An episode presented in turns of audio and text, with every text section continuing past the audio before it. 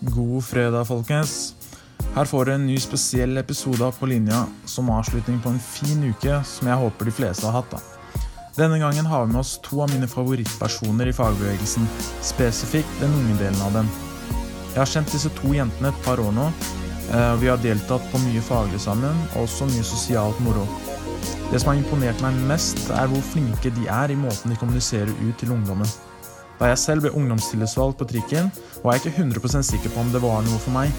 Men etter å ha deltatt på en del kurs og lignende i Fagforbundets regi, fikk jeg en helt annen motivasjon. Og det er en grunn til at jeg fortsatt driver med det jeg gjør i dag. Den ene av disse to er Maren. Hun er ungdomstillitsvalgt i Fagforbundet Ung i Oslo. Hun leder ungdomsarbeidet og har et overordnet ansvar for unge i de andre foreningene. Den andre av disse to er Susanne. Hun er fra Fagforbundet sykehus og helse. Hun er hovedstillitsvalgt på to klinikker ved Oslo universitetssykehus og sitter også i ungdomsutvalget i Fagforbundet Oslo. I denne episoden går vi gjennom hverdagen deres før og etter korona. Vi forteller om viktigheten av en sterk ungdomsbevegelse, og jeg forteller et par eh, halve, halvmorsomme historier. Så vær så god, folkens. Maren Oddvang og Susanne Menkrogen. Og Einar, selvfølgelig. Velkommen, Susanne, Maren og min eh, partner eh, Einar. Takk. Begge dere er fra Fagforbundet. Yes. Eh, Fagforbundet Ung, mer spesifikt. Vi kan starte med Maren. da. Fortell litt. Hva er din rolle der? Ja, altså jeg er ungdomstillitsvalgt i Fagforbundet Oslo. Dvs. Det vil si at jeg leder ungdomsarbeidet til Fagforbundet Oslo, da. Jeg har ansvar for å eh, ja, passe på, følge på opp eh, de andre foreningene med ungdomsarbeidet. Eh, Legge et stort press på å få til at vi må følge opp lærlinger, studenter, elever og unge tillitsvalgte. Eh, Og unge arbeidstakere. Eh, ha et tilbud for dem. Både få det til kurs og få det til sosialt. Så jeg da har jeg fem andre medlemmer i utvalget mitt, som utgjør ungdomsutvalget, med to varaer og to tiltredende, som er da i utvalget. Så vårt, vår oppgave er å passe på at ungdomsarbeidet i hele Fagforbundet Oslo fungerer. Eh, At eh, foreningene driver på med ungdomsarbeid, og at de ungdomstillitsvalgte ute i foreningene får lov til å drive på med ungdomsarbeid, og får det midlene og rommet til å gjøre det. Bygge unge tillitsvalgte er vel hovedoppgaven som jeg har. Ja, Det er jo sånn vi to ble kjent. Eh, bare sånn for de som hører på. Eh, jeg er jo tillitsvalgt her, eh, ungdomstillitsvalgt i OSA. Og dere holder jo en del kurs hvor dere inviterer alle foreninger da, i hele Oslo. Og sånn ble vi kjent. Eh, er det du som setter opp hele kurset der? Altså, det er jo en kurspakke som er laget av Fagforbundet sentralt, men så lager vi den for hvordan den passer Oslo. For Oslo er jo organisert på en helt annen måte enn resten av Fagforbundet er. Vi har jo foreninger ut ifra hvor du jobber og hva du jobber som, mens de andre har jo foreninger ut ifra hvor du bor og hvor du jobber, altså kommunen du jobber i. Så du har liksom Fagforbundet Lillestrøm, mens vi har jo da sånn som dere, Oslo Sporveiers Arbeiderforening.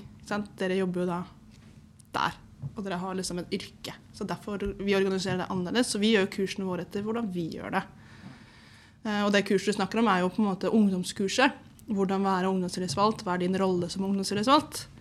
Og den eh, gjennomfører vi jo fire ganger i løpet av et år med forskjellige temaer. For dere har jo masse forskjellige oppgaver og roller dere som ungdomstillitsvalgte har. Så det er viktig at vi kan bistå dere og gi den kunnskapen, da. Er det meninga egentlig at dere skal gjøre det? Eller er det sånn at vi egentlig burde gjort det selv, alle foreninger? Nei, det er meningen at vi skal gjøre det. Vi skal på en måte bistå dere eh, og være sørge for-ansvaret for dere i foreningene. Eh, og da er det min oppgave å gi den kunnskapen dere trenger for å gjennomføre. Og Derfor er det liksom vår oppgave å ha de kursene. Eh, og så er det jo deres oppgave som ungdomstillitsvalgte i forening å gjennomføre det og gi den kunnskapen til de i klubben. da. Og de andre tillitsvalgte som ikke er i utvalget. Når starta du med det her? holdt jeg på å si? Når ble du Du er leder nå, var du? Jeg er leder nå, ja. Det Når ble vært- du leder? Åh, årstall, da. Jeg har vært det i ja, Det er vel 2017 jeg kom inn, tror jeg det var. Ja, Da ble jeg valgt som leder av Fagforbundet Oslo. Men før det så var jeg jo da i utvalget i min egen forening, Fagforbundet Barn og oppvekst. For jeg jobber egentlig på en barneskole som barne- og ungdomsarbeider. Så det er på en måte der hvor jeg er, har eh, forening.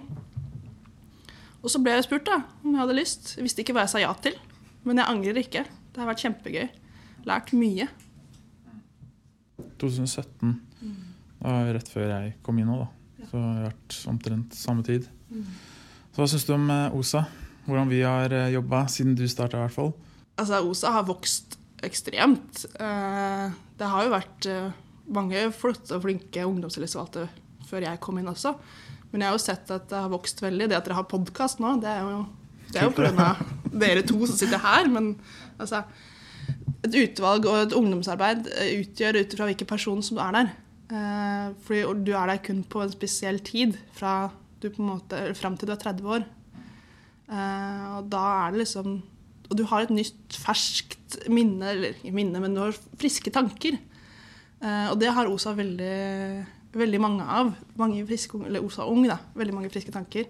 Og dere er veldig på, så jeg liker, det. jeg liker OSA Ung. og OSA generelt. Spesielt ung. Det er bra. Ja. Eh, kan høre litt om eh, Susanne òg, kanskje.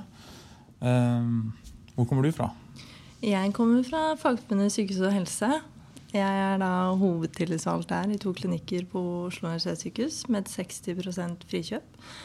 Og så er jeg ungdomstillitsvalgt i fagforeninga og leder av ungdomsutvalget der. Og så sitter jeg da i ungdomsutvalget på regionen med Maren som leder.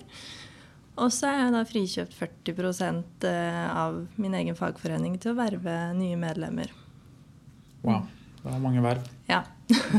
Det blir gjerne sånn hvis man viser at man er litt engasjert. Ja. Ja, jeg har jo Vi også har jo møtt hverandre mange ganger før. Mm. Under litt mer sosiale omgivelser. Mm. Da konkurranseinstinktet til Susanne kom ut. Du vet godt hva jeg prater om. Eh, Maren har også et ganske stort konkurranseinstinkt. Er det kun når det gjelder deg? Ja. Det er ikke noe gøy å tape når du blir sånn. Ja, For de som hører på, vi har hatt noen eh, arrangementer tidligere, så eh, der har vi hatt det gøy. Bullriding og alt mulig rart. Det er Sumobryting. ja, det er jo en av de tingene vi som ungdom gjør, er å arrangere sosiale ting. Eh, og det å bli kjent med hverandre har vært viktig. Ja. Det er kanskje noe av det beste dere har gjort for meg, egentlig. Det er å si, bli kalt inn på alle disse kursene. Og, men det sosiale, det er ganske viktig. Jeg har blitt kjent med veldig mange, og jeg kan de kontaktene hjelper da, å ha dem. Akkurat som nå. Nå kan jeg bare ringe dere, og så kan dere komme hit og fortelle litt om deres arbeid. Men jeg hadde ikke visst om dere hadde ikke vært for de kursene. Nei, og Det er jo enklere å gjøre noe og få et engasjement når man kjenner med flere og man hører litt om hvordan de andre jobber, og man har en, en gjeng man kan være med både faglig og sosialt. da. Det er jo veldig viktig. Eh, Du blir mer deg selv, og du ønsker å gjøre mer. I hvert fall det jeg ser. da. Jo mer sosialt, jo bedre jeg blir kjent med dere som ungdomstillitsvalgte fra foreningene, jo mer engasjement får jeg. Man gjør jo det. Vi er jo mennesker. Vi, holdt opp, si, vi blir motivert av andre. God energi. Og, så ja, det hjelper jo, eh, faktisk. Det hjulpet meg, som sagt. Det var en boost å være med. Men tilbake til eh, Susanne. Du fikk ikke sagt så mye. Men alle vervene dine. Du er eh, også på jo, Var det Ullevål vi var en gang? På besøk? Ja, det var i min fagforening. Det er der du sitter to ganger i uka, er det ikke? Ja, nå i koronatider så er det der jeg sitter to ganger i uka. Ellers så sitter jeg der så å si hver dag. Ok, Så det er der du er fast nå? Ja, Å, ja. som hovedtillitsvalgt og som i verving, eller i verveprosjektet når, hvis det ikke hadde vært korona, så hadde jeg vært ute på arbeidsplasser da, rundt omkring på sykehusene. Ok.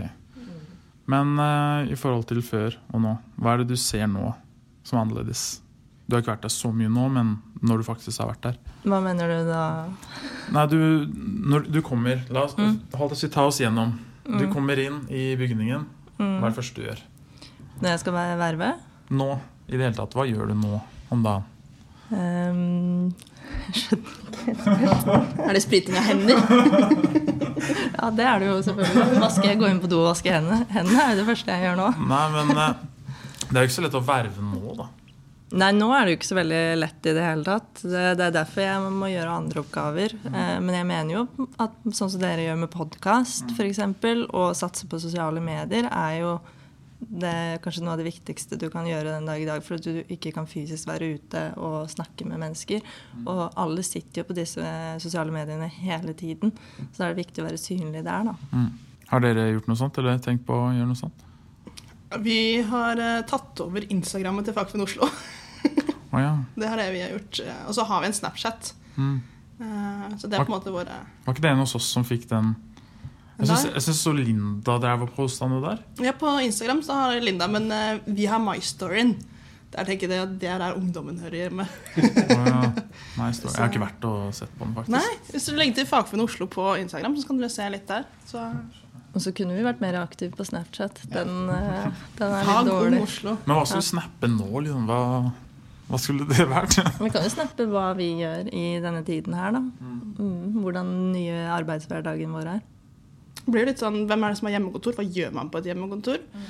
Eh, dere som er ute i et samfunnskritisk oppgave, hva er det dere gjør? Hvordan er deres nye arbeidshverdag? Det er jo veldig viktig å på en måte kunne se de forskjellige yrkene de forskjellige arbeidsoppgavene man har nå. da.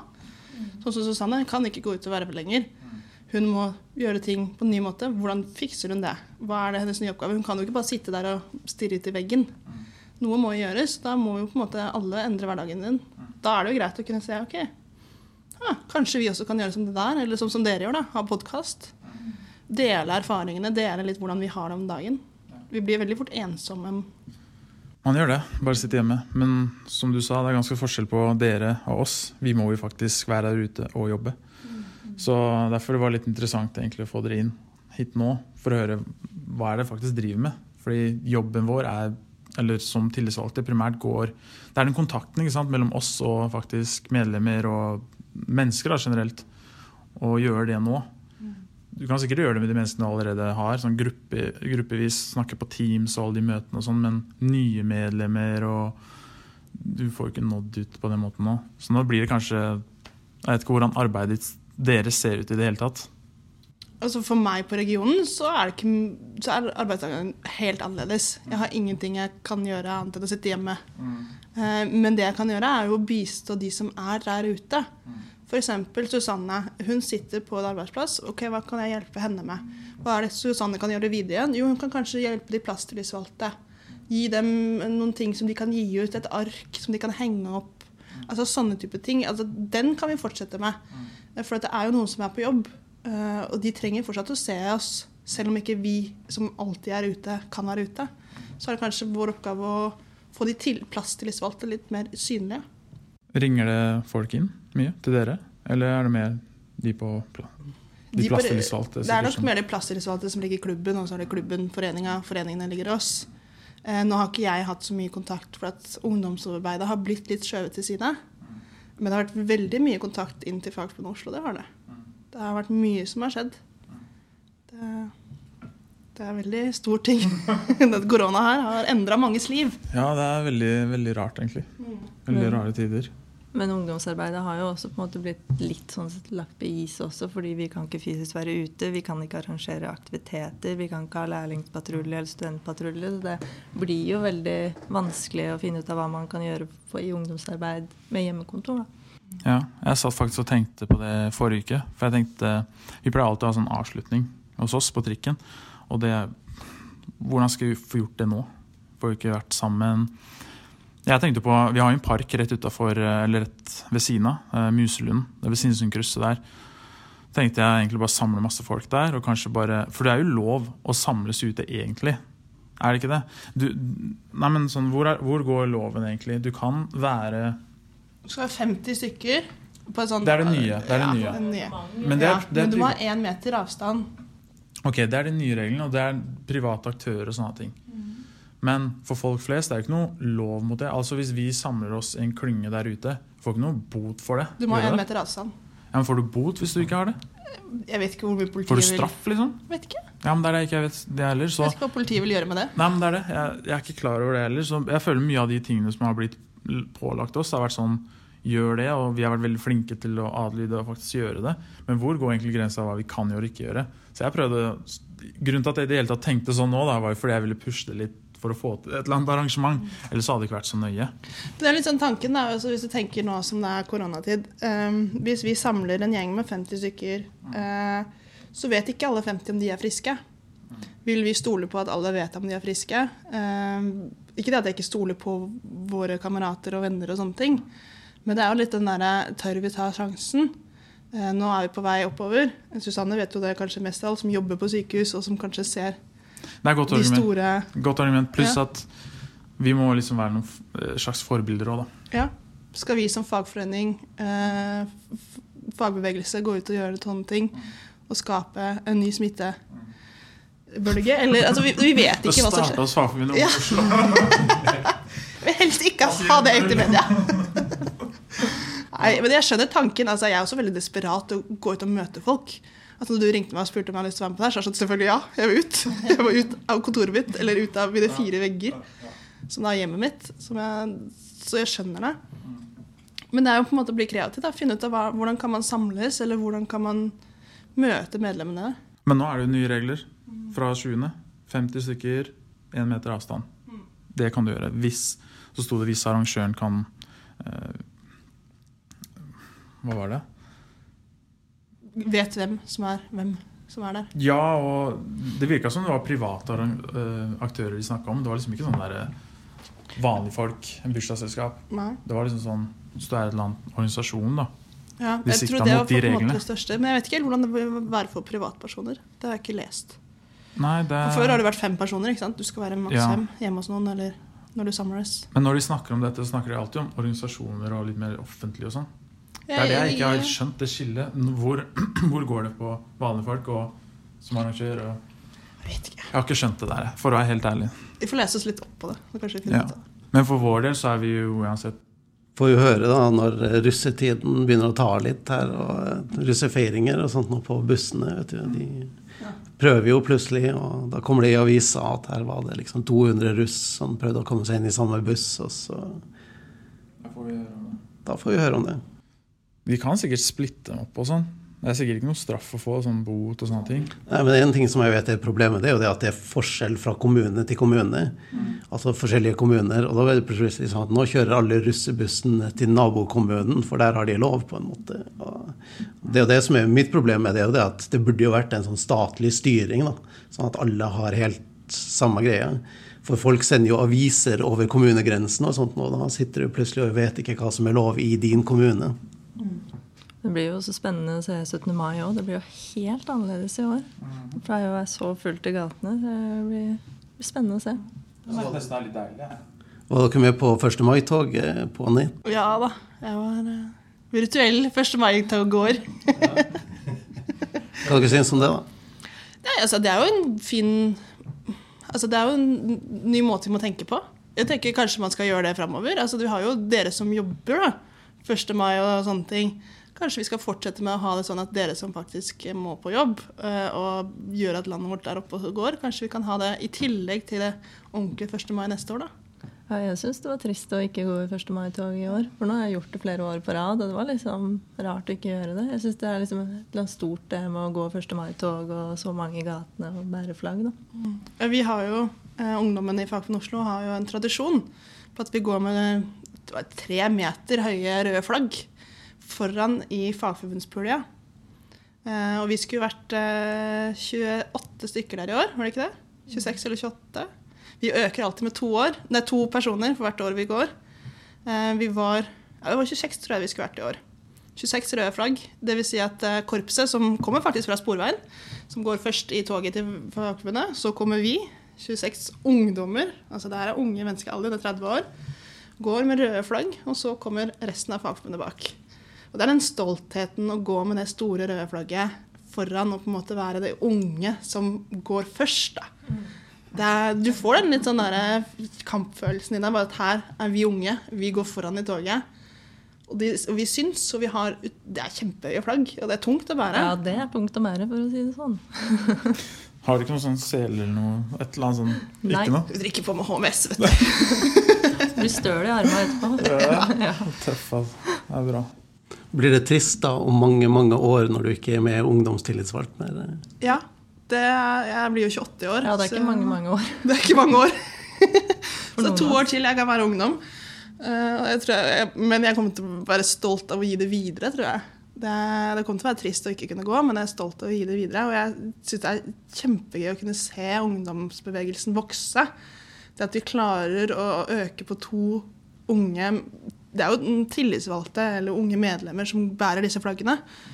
Um, eller noen kjærester her og der, og litt sånn hvem vi klarer å få med oss. Få dem inn i bevegelsen. Uh, og vise den stoltheten om at her står vi på 1. mai. Vi bærer dette flagget stolt, og vi er med på arbeidernes kampdag. Uh, og det å på en måte kunne gi det videre tror jeg har vært kjempegøy. Uh, jeg gleder meg litt, samtidig som jeg gruer meg. For arbeidet stopper jo ikke der uansett. Det gjør det ikke. Men vi ungdom er på, på en viss lånt tid, da.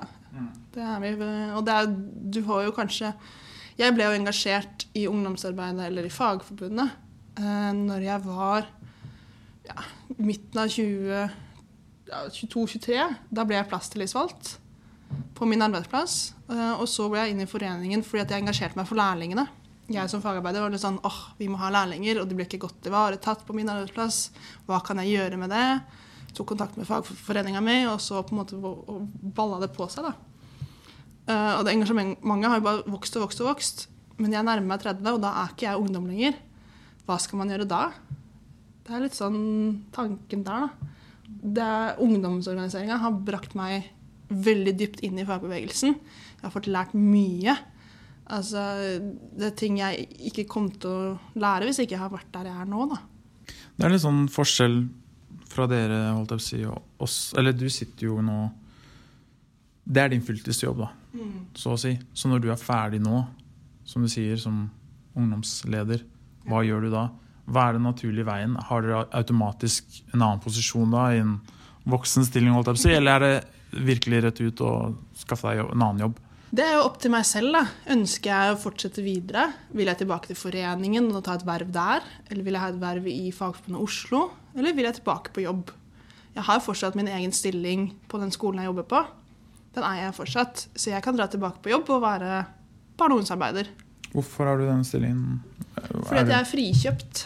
Mm. Eh, jeg er jo bare valgt, eh, så de har frikjøpt meg fra min stilling og betaler min lønn. Eh, Fagforbundet Oslo betaler min lønn. Så jeg eier fortsatt stillingen min, men jeg får betalt for Fagforbundet Oslo. Er det noe fagforeningen også har forhandla seg frem til? Ja, det er noe fagforeningen har forhandla seg frem til. Det er veldig bra, da. Mm. Okay. Det er lenge siden du har vært der som lærer? Jeg uh, har ikke vært der på tre år. det har jeg ikke. gått forbi engang? jo da, jeg har vært på besøk på arbeidsplassen min. Det har jeg. Men uh, De kjenner deg igjen når du er innom der? Ja, de barna jeg jobba med, de er ikke der lenger. De har gått videre til ungdomsskolenivå. Så det er nok ikke så mange som kjenner meg der. Uh, og det er sånn tanken etterpå. Hva gjør jeg når jeg blir ferdig her? Skal jeg tilbake til min arbeidsplass eller ikke? Hva, hva ønsker jeg? Men du har jo forandra deg så mye. Ja, ikke sant? Du er ikke den samme som når du starta den jobben. Så gå tilbake nå. Det vil føles veldig rart ut. For nå er du sånn Din jobb nå er å engasjere folk. Liksom, det handler ikke så mye om deg. ikke sant? Du, du, bruker kroppen din og alt mulig for å komme deg steder, men du har en helt annen intensjon. Det er å motivere folk, samle folk. Hva skal jeg si? Du har en helt annen mening nå med ditt liv. Ja. Og det får du ikke i den jobben på samme måte. Men jeg får en helt annen altså, Grunnen til at jeg starta som barndomsarbeider var jo fordi at jeg ønsket å hjelpe barn. Å være der for barna, de som kanskje har det vanskelig, de som sliter.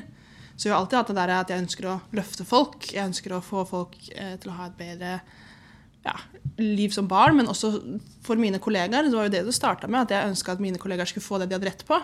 Og få bistand til å få hjelpen de trengte. Eh, og at de ikke sto alene i den kampen. Så det var det som starta det. Og så ja, jeg, nå er jo engasjementet mitt er jo 10 000 ganger større. Jeg ønsker jo at alle skal ha det bra på jobb. Jeg ønsker at alle skal få en bra mulighet i arbeidslivet.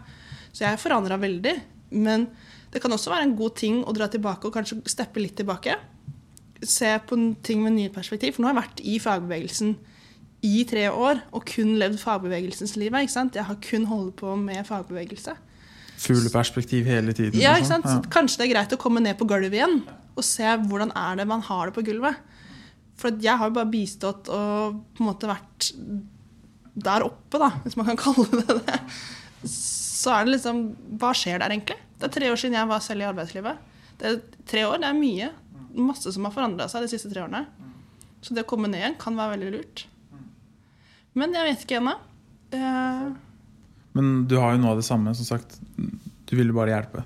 Så om du er der eller her eller der, så kommer du ikke til å gjøre det samme. Vi får Ja. nok se den samme Maren, alle det sammen. gjør det definitivt. Jeg skal ikke forandre meg som, som jeg. Det er bra. Du da, Susanne, har du noen gang tenkt på det? Å gå tilbake til gamle Ja, du er egentlig Jeg er egentlig sykepleier. sekretær på røntgenavdelinga på Ullevål. Det du er? Jeg trodde du var Ja. sykepleier. jeg. Nei, jeg er sekretær. Eh, Røntgenavdelingen, da. Mm, det er over to år siden jeg var eh, på jobb der, da. Så nei, jeg har jo tenkt mye på det, jeg også. I forhold til eh, Nå er jeg hovedtillitsvalgt. Altså det, det kan jeg holde på med til jeg blir pensjonist, egentlig. Men jeg må jo bli valgt annethvert år. Eh, men ja, det hadde jo sikkert vært greit å komme tilbake. Men igjen da, så syns jeg det å være da, hovedtillitsvalgt gir meg så mye. For jeg hater urettferdighet. Det er noe av det verste jeg veit. Og det får jeg gjort noe med da, som hovedtillitsvalgt. Så jeg har jo veldig lyst til å fortsette da, min karriere som tillitsvalgt etter hovedavtalen. Da. Det er det jeg trives aller best med. Mm. Det er jo våre hverdagshelter i fagbevegelsen. Er jo våre tillitsvalgte. Ja. På en helt annen måte, men ja. Vi er, man kan vel si det. Einar, jeg vet du hadde et par spørsmål eh, der. Ja, eh, Maren hadde en, et døgn eller en dag som portør. Ja. Ja, hvordan var det å være portør? Wow. Det eh, Det var helt annen hverdag enn jeg er vant til. Eh, portør er jo de som frakter pasienter eh, fra A til B på sykehusene. Eh, de frakter senger, eh, blod Altså alt det på en måte de andre på sykehuset trenger, er jo der portørene stepper inn, da. Eh, og jeg var skikkelig sliten den dagen. Jeg tenkte liksom ja, dette kan være spennende. Altså, dette er et yrke jeg ikke vet så mye om. og Det er mange som ikke har hørt om portøryrket. Så jeg hadde veldig lyst til å være med på det. Eh, og han som jeg var med, var veldig sånn, han er veldig engasjert. Veldig engasjert i arbeidet sitt og elsker å være portør. Så da var jeg med, og det Altså, jeg har aldri gått så mye som jeg har gått den dagen. Og jeg har aldri tenkt at det å flytte en seng eh, rundt gangene var så vanskelig. Altså, det er jo en jeg vet ikke hvor to og en halv meter den senga er, eller noe sånt. Du skal da kjøre den, og så skal du flytte den rundt svinger og opp og ned, og det var liksom det er det tyngste jeg har gjort no noen gang. Altså, All honnør til portører som gjør dette her hver dag. Og jeg hadde det var 14 000 skritt jeg gikk den dagen. Og jeg sitter på kontor hver dag, nesten, når jeg ikke er ute. Var du støl, eller? Jeg var støl, jeg var sliten, men han sa liksom ah, 14 000, det er ingenting, dette er en rolig dag. Jeg bare hæ? Dette er ikke en rolig dag for meg. Dette var slitsomt. Men det var utrolig sosialt. Jeg fikk snakke med pasienter, fikk høre liksom hvordan hverdagene var til portørene, og som, hvordan sykehuset driftes. For det er liksom ikke noe vi, vi, vi går på sykehus, og så blir vi kanskje lagt inn, eller vi er på besøk for pårørende, altså sånne type ting. Men det å være under sykehuset, altså i kjelleren, og gå rundt der og se hva de som jobber der gjør en hel dag, det er wow. Eh, Så det å på en måte kunne gjøre sånne ting, det er kjempegøy. Det er en av de beste tingene jeg kan med dette vervet her, er å være ute og lære nye ting. Har du gjort det med noen andre yrker? Jeg eh, har, eh, Før korona kom, så hadde jeg en avtale om å være med på flere steder. Men det stoppa jo litt. Eh, så når korona er ferdig, så får dere følge med. Så får vi se hvor jeg havner. Hvor mitt nye yrke er. Jeg ble jo så misunnelig på deg, Maren, så jeg sendte jo melding på Messenger til han tillitsvalgte for portøren og sa jeg vil også. Så jeg, skulle, jeg skal få lov, jeg òg, da. Men jeg må vente til det roer seg ned med korona. Men det er eh, det å kunne se andre yrker som jeg ikke vet noe om. Jeg, altså, jeg kan jobbe med barn, det er det jeg kan. Eh, Det er, min, det er mitt yrke. Eh, Men det er så mye spennende. Altså, jeg hadde gjerne blitt med for å se hvordan dere kjører trikken, T-banen, eh, hvordan skinnene blir reparert, for det har jo dere også. Altså, alt det der. Jeg syns det er kjempespennende å kunne lære det, og på en måte kunne vise resten av folket, fagbevegelsen, at dette her er våre yrker, og vise den stoltheten og på en måte For dere er jo stolte av arbeidsplassen deres, regner jeg med. og det det er de fleste. Å på en måte kunne være den personen som viser det til resten. det syns jeg er gøy. Å kunne få lov til å lære mye rundt det også.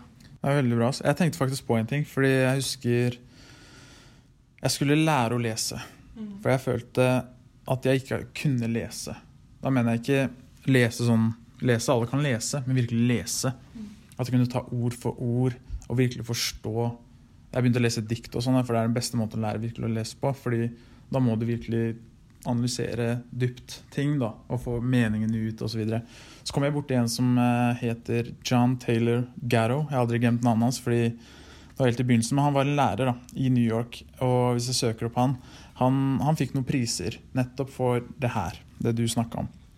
Uh, han var lærer, jeg husker ikke om det var barneskole, ungdomsskole eller Jeg tror det var rundt der. Jeg husker det var bare barneskolen. Men han hadde en litt, litt uh, uortodoks måte å lære bort på. Så istedenfor bare å møte opp og sitte i klasserommet hele dagen, så kunne barna Når de møtte opp da, så var det en buss utenfor som venta på hele gjengen. Han sendte dem ut, inn i bussen, og så kjørte de ned til uh, gud vet, uh, brannstasjonen eller noe. Og da skulle de være med brannmannen hele dagen. Skulle følge han, lære hvordan han jobba osv. Skulle være med postmannen en dag, vi skulle være med politimannen en dag. Hvordan han fikk gjort alt det her i praksis, det da må du lese boka hans. Men han, han, mente at det er den beste måten. Nummer én, du skal bli en del av samfunnet. Og da må du kunne, du må kunne føle litt på kroppen hva de faktisk driver med. Få litt respekt på hva de driver med. Så når postmannen kommer med posten din, at du faktisk har en viss respekt for den. Og eh, f.eks. oss, vi kjører trikk. og Det skjer jo ikke med dere, men søppelbilene de får jeg med meg sant, hver eneste morgen. Hele byen. Mm. Nå er de på jobb. De fleste ser dem ikke engang, for det er så tidlig. Og Mange ganger så sperrer de av for oss, så jeg får ikke kjørt videre. Så jeg må vente til han har gått inn, henta søpla og hele pakka, og så kjører han til neste sted. Så vet jeg at jeg møter han 300 meter ned i gata, og da må jeg stå stille der igjen. Og, og jeg blir ganske forsinka. Og mange irriterer seg over det. Du blir jo forsinka. Mens jeg har prøvd å tenke hør, de gjør faktisk en veldig stor jobb, og du må kunne respektere dem for det og gi dem litt rom til dem òg. Så jeg bare kom på det når du nevnte det. Jeg føler egentlig alle skulle ha gjort dette allerede sånn som barn. Fordi vi, vi vokser opp, vi går gjennom den, der, den stigen av utdanning, og så er det rett ut i arbeidslivet. Ofte én plass, kanskje. Og så har vi egentlig ikke peil på resten av samfunnet. Hvordan faktisk ting fungerer. Og det du snakker om, er jo en del LO kjemper for også. Er jo det for til yrkesfag, eh, men også det å på en måte kunne forberede eh, våre neste generasjon arbeidstakere på hvordan arbeidslivet er. LO jobber veldig mye med det, og fagbevegelsen generelt. Da, det å på en måte få det mer arbeidslivet inn i skolen. Eh, ikke bare med forhold til teori, men også i forhold til praksis. Eh, og det er jeg veldig forkjemper for, at vi skal få eh, kanskje Du har jo OD-dagen, hvor du kan velge eh, Operasjon Dagsverk, hvor du kan velge på en måte hvor du vil jobbe for å, god penge for å støtte noen. Men det å på en måte kanskje ha en praksisuke eller en praksismåned på ungdomsskolen kan gjøre det enklere for hva man velger for videregående skole. For du er jo da 16 år og skal velge hvilket yrke du skal være, eller hva du har lyst til å gjøre med resten av livet ditt. Og det, vet, det er altfor tidlig. Hadde man da kanskje hatt en uke eh, på ungdomsskolen hvor man på en måte jobba på fem forskjellige plasser Du hadde en dag her på Sporveien, en dag på et regnskapsbyrå. altså at Man på en måte måtte ut og søke disse stillingene selv. Eller man fikk de, det er jo ikke helt oppå Jeg vet ikke helt hvordan jeg ville gjort det. Men jeg tror det kunne vært en god måte å forberede våre ungdom på hva som skjer der ute. At de får vite litt om hvordan er det å være på jobb. Ok, Du må møte presis.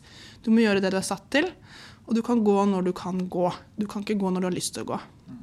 Og det at du får penger for det du gjør. Eh, den verdiskapningen du utfører. Lære å ta ansvar, alle disse tingene her. Jeg var helt fjern på det, husker jeg. Første dagen på jobben min. Eh, jeg, jo, jeg gikk jo byggfag, teknisk byggfag. Og eh, vi hadde mulighet Det er jo to år på skole, og så er det to år i læra. Mm. Men vi hadde mulighet, hvis du klarte å få deg jobb etter første året, så kunne du kombinere andre året ditt med skolejobb. Så ble jeg, da blei det tre år i læra, da. Med en sånn slash en gang i uka skole andre året. Så det gjorde jeg.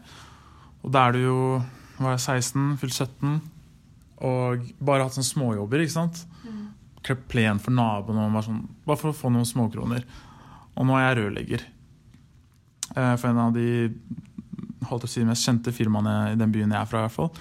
Og eh, respektert firma fikk ofte de største jobbene der. Så husker jeg vi skulle noe, noe som heter Vestfold Fugl. Skulle bygge bygningen der.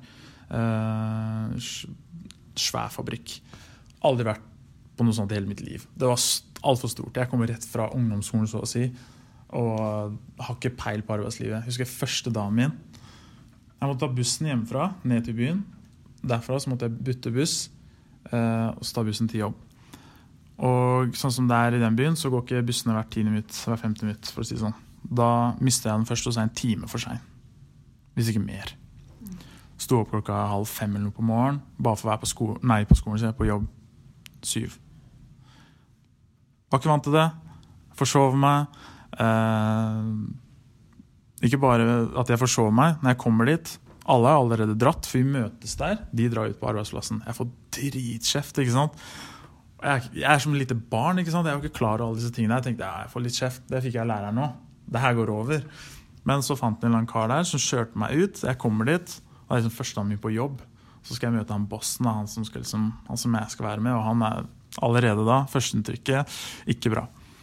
Men eh, jeg får noen ting å gjøre. Pausen kommer, og så er jeg drittrøtt. Fordi jeg hadde lagt meg Jeg husker ikke hva jeg drev gjorde. Jeg så Prison Break eller noe på natta. Jeg, jeg, jeg var helt kjørt i hvert fall. Og så Pausen kommer. Du sitter jo sammen og spiser, ikke sant? Nei, nei, jeg fant meg et eller annet hjørne borte der, og så passa jeg ut. Det var det jeg gjorde først. da Jeg var så sliten, jeg var så trøtt. Men jeg tenkte det var greit. Det er min pause, jeg kan gjøre hva jeg vil, men det er liksom ikke noe sånn sosialt eh, Det er ikke noe Hva heter det der? Normer som jeg burde følge her akkurat. Så jeg var veldig grønn. Jeg husker jeg bare våkna Han drev og sparka meg, liksom. Fysisk sparka meg, for han var en veldig sånn tøff kar. Jeg ble, jeg ble kjørt, for å si det sånn. Jeg, jeg ble en god rørlegger til slutt, men eh, det var ikke bare bare. Og ja Hvor kom jeg, jeg kom, Hvorfor begynte jeg å snakke om det her? Poenget mitt er ja, vi trenger opplæring. Vi trenger å se livet som det er. Og sånn som meg, det er sikkert mange andre sånn som meg. Og forhåpentligvis er jeg ikke aleine. Men ja, vi trenger å se hvordan faktisk arbeidslivet er, hvordan ting fungerer. Og da hadde det hjulpet. F.eks. økonomi. For eksempel. Når lærer du om det? Altså, vi jobber veldig mye, Fagforbundet, ung da, spesielt, jobber veldig mye med det å få arbeidslivet inn i skolehverdagen. Og da kommer det litt det med økonomi. altså, Ok, du skal betale skatt. Lærer du det på skolen? Du gjør ikke det, egentlig. Hvordan er det, og på en måte, Hvilke rettigheter har du i arbeidslivet? Jo, det at du skal ha overtid hvis du jobber overtid. Hvor mye er det det er snakk om? Altså, De basice tingene som jeg vet, og vi som sitter her vet, fordi at vi er tillitsvalgte, men som vi ikke vet hvis vi starter et jobb som, som 17-åring, da, lærling. Hva har du av krav? Hva er dine rettigheter i arbeidslivet? Jo, du har krav på en pause. Ok, Hvor lang er den pausen? Har du lov til å gå ut fra arbeidsplassen din? Eller kan du ligge i et hjørne og sove? Er det greit? Sånne type ting. Uh, ja, men altså, Og du som lærling, uh, hva har du krav på? Jo, du har krav på opplæring. Hva vil det si, da? Hva, vet alle lærlingene hva det vil si? Og det gjør de ikke. Så det å få arbeidslivet inn i skolehverdagen er en kjempeviktig sak for fagbevegelsen. Mm. ikke bare Fagforbundet, men hele LO. da. Mm. For vi merker det, vi er ute på lærlingpatrulje, og vi hører jo hvordan lærlingene våre har det. Og vi møter jo unge arbeidstakere som på en måte ikke vet sine rettigheter. At vet du, hva, du har ikke betalt spisepause, du kan gå fra arbeidsplassen din. Nei, men Sjefen min sier at jeg må jobbe da, så jeg får kanskje ikke spist noe. Eller jeg får ikke gått på do i løpet av en hel dag fordi at jeg er alene på jobb. Altså Sånne ting er ikke lov, men fordi at vi vet det, så sier vi ikke ifra. Uh, og, og vi kanskje tør ikke si ifra hvis vi vet det. Så det å på en måte kunne lære litt hva du har krav på og rett på, er kjempeviktig. Og hva det du faktisk som arbeidstaker plikter til å gjøre, det er også noe vi trenger å lære. Så det å få arbeidslivet inn i skolen, både praktisk og teoretisk, er kjempeviktig. Eh, Og det tror jeg er en av de største sakene vi i Fagforbundet Ung eh, jobber med. da. Det og tannhelse da, inni egenandelsordninga. Så er det sagt. Er det sånn at eh, det blir noe lobbyingvirksomhet eller noe sånt nå for å få inn ting i skoleverket? Hva er det som skjer? Altså, vi har jo tatt det her opp på landsmøtet til Fagforbundet. Så vedtok vi at dette her skal Fagforbundet jobbe for. Eh, og så ble det også tatt opp på LO-kongressen, som kjøres hvert fjerde år. Så det er også på en måte vedtatt er at dette skal vi jobbe for. Eh, og da blir det opp til LO og forbundene å på en måte lobbe mot eh, alle partiene som sitter både på storting og kommu- kommune, for å få dette her til. da. Så, så hvis vi i Fagforbundet Ung kan jobbe mot Oslo kommune, våre partier der, eller alle partiene der egentlig, eh, og si at dette her er kjempeviktig for oss, dette bør vi få inn i skolen i Oslo. Vi bør få at alle lærer om rettighetene sine på arbeidsplassen når de skal ut og jobbe. Og da blir det jo på en måte å jobbe mot disse politikerne. Kjøre mediasaker, skrive artikler, eh, skrive brev til politikerne. altså Sånne type ting er jo da vår oppgave. Og så er det liksom på en måte ikke slippe den ballen, men snakke om det hele tiden. Sånn som her, på en podkast. Eh, debatter rundt omkring. Få ungdomspolitikere til å kjøre den samme, få de med på banen sammen med oss. Og det har vi jo fått til. Det mange, jeg tror nesten de fleste ungdomspolitikerne er enige med oss for de på venstresiden da, av politikken. Har vært enige med oss om at vi må få arbeidsliv inn i skolehverdagen. Eh, og på pensum. Så det er jo der vi på en måte må lobbe, da, vi som ungdom. Og så må vi lobbe opp mot de voksne, hvis man kan kalle det det, i forbundet vårt. For at de også skal gjøre en sak ut av det. Så det er mye under bordet det skjer, da. Eh, og i media. Og det kan vi nok bli flinkere på å bruke de mediene og kontaktene vi har. Snakke om det hele tiden. Det er sånn vi kan få gjennom ting. Og det er jo sånn vi har fått gjennom det de fleste fagbevegelsene har fått gjennom, er jo fordi at man har kjempa for det i mange år. Ikke minst det tar lang tid, det gjør det jo. Men at man ikke stopper å kjempe om det. Åttetimersdagen tok jo en del år å få gjennom, eh, men det gikk igjennom. Eh, og det er liksom der vi trenger å starte. Vi jobber jo fortsatt med sekstimersdagen. Ja. Får se hvor lenge det kommer til å vare. Hvor lenge vi må bare kjempe for det. Så vi får se. Jeg tenkte vi må prate om verving. Ja. Susanne? Du er den rette personen. Er det jeg som er verveeksperten Verveeksperten vår. Ja. Hva, er det, hva er det som skal til for å få verva folk, da? Det, for det første er det jo planlegging. Eh, når jeg skal ut, så må jeg vite litt eh, potensialet og Mangler det tillitsvalgt der, eller er det en plass tillitsvalgt som kan være med meg rundt? Eh, hva er det som på en måte Er det noe som styrer rundt Altså er det noe som uroligheter på denne enheten, f.eks.? Det er også greit å vite om du er forberedt på det, for plutselig så kommer folk og bare skal leste alt over på deg. Da er det greit å være forberedt. Så liker jeg å ta med brosjyrer selvfølgelig, om informasjon. Og noen ganger litt stæsj, men jeg prøver ikke å gjøre det altfor mye, for det er ikke det som verver i seg selv. Og så er det det, for min del, er det å møte én og én og prate med dem, se dem inn i øynene og høre på dem. Det verver veldig. Og det å fortelle historien rundt det, hvorfor vi er her. Og hvordan rettigheter man har. For det er veldig mange som ikke vet om rettighetene sine. Og når det er snakk om å verve medlemmer under 30, det er jo de som er minst organisert, i hvert fall hos oss, så snakker jeg veldig mye om ungdomsarbeid og det sosiale og samholdet vi har i Fagforbundet Ung. Nesten alle mine venner i dag er jo fra Fagforbundet. Det er et ekstremt fint samhold og utrolig flotte folk i Fagforbundet. Mm. Disse sosiale altså events eller happenings, da.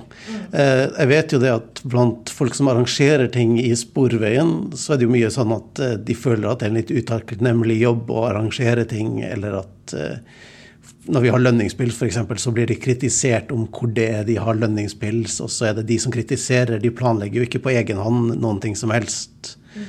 Eh, altså, hvordan får du folk med på bowling og Eh, for det første sender jeg mail til alle medlemmer. Det, det, er jo ikke sånn at det dukker opp så veldig mange, men det hjelper det å ha utvalget. da, Og også få dem til å i hvert fall snakke om det på sin arbeidsplass. Vi har jo hatt veldig godt oppmøte. Vi hadde jo curling her for et år, eh, halvannet år siden. Og da var vi vel 16 stykker eller noe. Det er ganske bra for en fagforeningsaktivitet. da. Eh, og da hjalp det veldig mye at flere i ungdomsutvalget tok med eller ba de på arbeidsplassen være med, da, som var under 30. Og så kom det noen utafor. Og så handler det jo også om å ta godt vare på de som ikke kjenner noen. Og det blir jo litt min oppgave som ungdomstillitsvalgt å ta ekstra godt vare på de. Så, men det er jo sånn som vi har kjørt på regionen. Vi hadde jo escape room her for ikke så altfor lenge siden. Da dukka jo ikke halvparten opp. Og det er jo selvfølgelig irriterende, for du har jo betalt for så og så mange personer. Det går jo mye penger ut. Men det er sånn det er. Heldigvis så er vi glad for de som dukker opp, da. Mm. Så blir det jo noen ganger at det blir litt sånn surmuling og sånne ting. Men det er, det er flere som er positive enn negative. Eh, så man må på en måte legge litt bak seg det negative og tenke at ja, ja, Men de fem koste seg, og så var det to stykker som syntes det var feil sted å være. Ja, men da har vi fem stykker som hadde det gøy. Og det er det vi må tenke. Uh, og Susanna er veldig flink på å, finne nye steder å gjøre sosiale ting på. Jeg tenker på alt jeg har lyst til å gjøre, egentlig. ikke sant? Og så tenker jeg perfekt, jeg slipper å betale, og jeg får med meg masse folk. Da gjør vi det. mm. Har du noen råd til andre som skal begynne å verve? Er, altså nå er jo jeg ekstremt heldig som har den tiden jeg har. Da. Jeg har jo de 40 prosentene som gjør at jeg har muligheten til å gå rundt. Eh, men det handler jo om som sagt eh, kontakter og planlegge og gjennomføre for å gjøre det sånn halvveis. Det har jeg også gjort. Det er ikke så veldig effektivt. Det er mye planlegging og det å støtte seg på noen. Og så er det best å hvert fall være to stykker når du går rundt. Det er ganske trått på en måte å gå helt aleine for å utfylle hverandre. Og hvis det er spørsmål du ikke kan svare på, så er det gjerne noen andre som kan det. Så alltid vært to. Mm. Har du noen gode råd da når det kommer til eh, det å få folk til å ønske å bli tillitsvalgte? Ja, eh, jeg er jo tillitsvalgt selv. Jeg har vært plasstillitsvalgt og jeg er hovedtillitsvalgt. Og jeg elsker virkelig det jeg driver med. Så jeg syns det er veldig lett på en måte å få folk til å bli tillitsvalgt. For jeg snakker jo om eh, hva jeg gjør, hva viktigheten med det. Og det at du blir invitert på konferanse, f.eks. på samlinger. At være med på noe større. Eh, være med og medvirke på din egen arbeidsplass. Det er ganske gøy å få være med på noe større. Eh, så det snakker jeg mye om. og det er veldig mange som sier ja, det kunne jeg tenke meg å være tillitsvalgt. Men det er fordi jeg brenner for, for det selv da, og er veldig gira og veldig glad når jeg prater om det. Jeg vet jo at uh, valgkomiteen her hos oss de har jo store problemer med å få opp kvinneandelen av de som på en måte ønsker å stille til valg som tillitsvalgte. og sånt. Har du noe råd til de da? Det, det, er jo så veldig annerledes fra hos oss, da, for jeg kommer fra sykehus. Det er jo så mye damer. Vi trenger jo gjerne flere man, menn, menn, da. Så styret vårt er jo nesten bare kvinner. Ja. Er det problemer å få liksom, mannfolka til å bli med der? Altså, det er jo det at vi, De uh, yrkesgruppene vi organiserer mest av, er jo veldig kvinnetunge yrker. Ja. Så Det er derfor det på en måte blir et problem. Mm. Så vi har det omvendte problemet enn dere. da. Ja. Mm. Jeg tenker kan det være greit å kanskje skape et samhold blant kvinner. Eh, altså ikke, man skal ikke skille kvinner og menn. Men det å på en måte gi en trygghet til kvinner i et mannsdominert yrke, eller menn i et kvinnedominert yrke, kan være veldig lurt. Sånn at hvis man har eh, Man mangler å ha kvinner som tillitsvalgte, kanskje de gir dem litt ekstra eh, i kursing. Gi dem den oppbacking de trenger, kanskje. Eh, vi ser jo det hos oss i ungdomsutvalget, så er vi flest kvinner der også. Men vi har fått flere og flere gutter med oss, eller menn, hva man kan kalle det. og det er jo fordi at man har én som starter å få med seg flere. Altså det å på en måte bare finne én, da klarer man å finne flere. Klarer man én engasjert, så klarer man to, tre, og så blir det flere og flere. Men det er jo på en måte den der, å skape et samhold og ikke den der, eh, kampen mot hverandre. For det er jo det som ødelegger folk, er jo å ødelegge engasjementet. hvis man skal kjempe mot hverandre at man skal sette opp kvinner mot menn, eller man skal sette opp yrke mot yrke, eller kvinne mot kvinne, mann mot mann. Det er jo der det på en måte man trekker og mister de gode folka. da. Når man setter dem opp mot hverandre. Men at man heller formidler det samholdet man har, og man kan få. Det tror jeg er veldig viktig. Eh, å gjøre sånn som Susanne, være synlig. Vise hva en tillitsvalgt gjør, hva tillitsvalgtsoppgavene er. At du lærer så mye. Du lærer jo mye juss du lærer jo mye veldig mye om lov og avtaleverk. Og det er jo kjempeviktig i arbeidslivet ditt framover. Du vil jo bli sett på som en gode hvis du søker andre jobber. Eh, mange som sier at å nei, du, du må ikke skrive at du har vært tillitsvalgt. Det er ikke lurt. Men det er det faktisk. For tillitsvalgte de ser begge sider. De ser en større del av saken. Eh, og det ser faktisk arbeidsgivere etter også. Eh, tillitsvalgte, eller tidligere tillitsvalgte. Så det er, det er kjempeviktig å ha på CV-en sin, og du lærer så mye å være tillitsvalgt. Men det varierer jo. Altså jeg skulle drøve søkte på ekstrajobber her for ikke så lenge siden, og da tok jeg det bort. Fordi jeg søkte som private sånn, til å jobbe ved siden av min 100 %-stilling. Fordi jeg fikk jo ikke noe napp når det sto at jeg var tillitsvalgt på heltid. Det var litt skremmende for de private bedriftene. Ja, det skjønner jeg. På heltid. Spion. ja. ja. Men jeg ser det på som en gode, da. Men uh, nå er ikke jeg arbeidsgiver. jeg gjør jo det egentlig, jeg òg, men siden de stedene jeg søkte, så var det negativt. Mm. Det spørs hvor du søker, ja. Ja, det gjør det jo. Gjør det. Du kan jo lage problemer òg som en tillitsvalgt. Det kan man definitivt. Gjort med en del der. Men det er veldig viktig å ta på seg verv. Er man engasjert, syns jeg man skal gjøre det. For du lærer så mye av det. Eh, både sånn for lov- og avtaleverk og for det organisatoriske. Jeg har hatt mer ansvar for organisatorisk arbeid.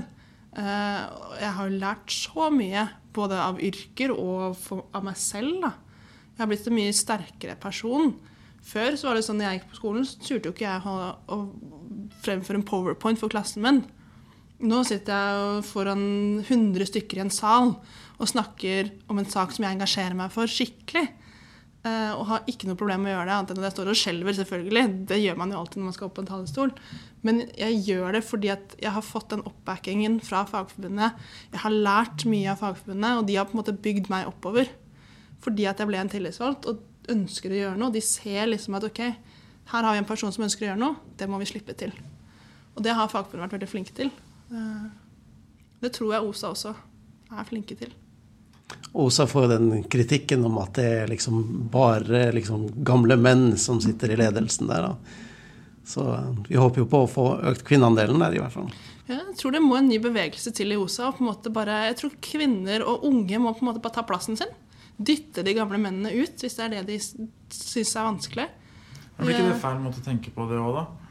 Nei, men altså, Er ikke den beste til jobben det beste å ha? Det spiller ingen rolle om det er en dame, eller om det er en mann, eller ung eller gammel, holdt jeg på å si. Den beste til jobben. Ja, men hvis man selv mener da, at man selv er den beste til jobben, så må man ta plassen sin. Det handler ikke om at man skal kjempe om å ta kampen, at man skal sitte på topp. For Man kan ikke gå fra å på en måte være tillitsvalgt, eh, plasstillitsvalgt til å være leder av en fagforening. Det er ikke lurt for din egen del. Det er det ikke. Eh, men ta plassen din. Bygg deg selv opp til å være den beste for dine medlemmer, for dine kollegaer. Det er den beste måten å på en måte bygge den beste fagforening på, er å være der for sine medlemmer og for kollegaene sine. Og har man den i tanken, så vil jo også flere bli med deg. Eh, noen sier at fagforbund er en sekt.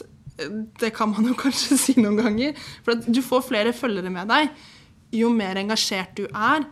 Eh, du får mye mer for deg selv også, eh, jo mer engasjert du er. Altså Ønsker du å få et verv i Fagforbundet, så er det ikke så vanskelig å få så lenge du gjør det av de riktige premissene, av de riktige årsakene. Du ønsker å gjøre det for dine kollegaer, ikke for deg selv. Så vil det være en god mulighet å få seg oppover på, da, hvis man ønsker det. Men, det er ikke så mange som har lyst til å bli tillitsvalgt eldre. Det er jo, som du, du sa i stad, utakknemlig jobb. Så i det hele tatt få folk inn er kanskje litt vanskelig å gjøre. Jeg forstår ikke det i det hele tatt. Jeg, det er liksom, Du får så mye muligheter med ja, som sagt, kurs og støtte og direktekontakt med tillitsvalgte over deg. og det er, ja, det er Jeg tror vi ser det, men det er fordi vi er der. Mm. Det er lett for oss å si at ah, det er så fantastisk, men for alle andre er det sånn nei. Jeg kommer på jobb, og så altså, sånn. drar jeg hjem igjen. og det kommer en eller annen person som er 25 år gammel, som har jobba i en eller annen privat bedrift uten tillitsvalgte før, som kommer hit, og så er det plutselig sånn at du må bli med her hos, hos oss for å kjempe for dine rettigheter. Men de opplever jo at de har sine rettigheter, og det er liksom ikke noe Altså de har ikke erfaring av å måtte kjempe for liksom åtte timers arbeidsdag eller overtidsbetaling eller noen ting som helst. Og da hjelper det litt det sosiale, har vi funnet ut av. Jo, hvis du har det sosiale først, da, eh, så får du liksom OK, da blir vi kjent med én person. Som, å, men er du medlem av Fagforbundet, liksom? Nei, nei, ikke, det trenger jeg ikke. Nei, men ok, men Han har lyst til å bli med oss på det sosiale. Vi skal ut og bowle og ha det gøy, liksom. Og så blir det med at noen sitter der med fagforeningskamerater, og så sitter man og snakker om det. Ah, 'Har du hørt om at uh, nå skal Fagforbundet kjempe for en sekstimersdag?' Liksom? Og de bare sånn 'Hæ? Skal vi ha sekstimersdag? Hvorfor det?' liksom? At man spiker den interessen der via det sosiale. At man får, bygger opp liksom, det sosiale nettverket som gjør at det kanskje blir enklere å være med og melde seg inn i Fagforbundet. Ta et engasjement, altså bli en tillitsvalgt. Når man har et nettverk, annet enn at ja, jeg møter opp på jobb, og så skal jeg gjøre jobben min, og så går jeg igjen. Det er veldig viktig for å få kanskje bygget opp det engasjementet jeg husker Første gang jeg møtte Susanne, så var, liksom, eh, så var det sånn OK, jeg skal ha et møte med Susanne. Vi skal finne ut av ok, du har lyst til å bli ungdomstillitsvalgt. Hvordan gjør vi dette? Vi fortalte litt hvordan det var. og sånne ting. Men jeg ble ikke ordentlig godt kjent med Susanne før vi hadde noe sosialt. Og jeg så jo Susanne blomstra, har blomstra veldig mye etter at det møtet vi hadde. Og det gjør jo fordi vi har hatt det sosiale. Det sosiale skaper engasjement. Det skaper en, et samhold og en forståelse. Og vi kan godt være uenige ganske mye, men vi har det sosiale. Vi har et vennskap i bånd som gjør at Susanne vet at jeg alltid kommer til å være der for å bygge henne opp. Og det samme vet jeg at hun også kommer til å være for meg, å bygge meg opp som en tillitsvalgt, men også som en venn. Og det er veldig viktig. Det er jo så mye motivasjon på å dra på forum og kurs og alt mulig. Det er jo fordi du også møter venner, og du lærer mye nye ting. Så nei, jeg er veldig, veldig glad for det. Og det er derfor vi får så mange gode unge tillitsvalgte, er jo for at vi er sammen. Vi har ikke noe liksom der, de intrigene så mye som de voksne kanskje har. Uh, vi vet at vi er der til vi er 30, og da er vi ferdige som ungdom. Så det er liksom ikke ja. Fått dødsdommen allerede. Ja, dødsdommen allerede. du har til den. Nei, men altså, I løpet av de årene da, som du er ungdom, så, så, er du der for å lære. Du er der for å, skape det sosiale. Du er der for så mye mer. da. Uh, og det er liksom ikke den intrigegreia der om at åh, jeg skal ta plassen din, eller du gjør ikke så bra jobb, for oss skal jeg ta deg, jeg kan gjøre mye mer jobb enn deg.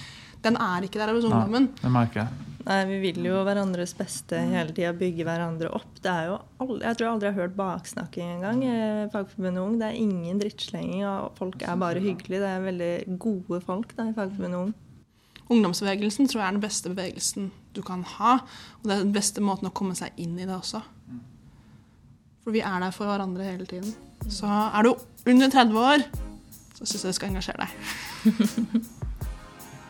Og med det så avslutter vi for denne gangen. Takk, Susanne. Takk, Maren. Einar. Vi ses, folkens. Yes, det var det for denne gangen. Hyggelig at dere ble med på linja. Håper dere fikk noe ut av denne episoden her. Eh, vi er tilbake igjen neste fredag, så følg med. Og til da, take it easy. Ta det rolig på linja.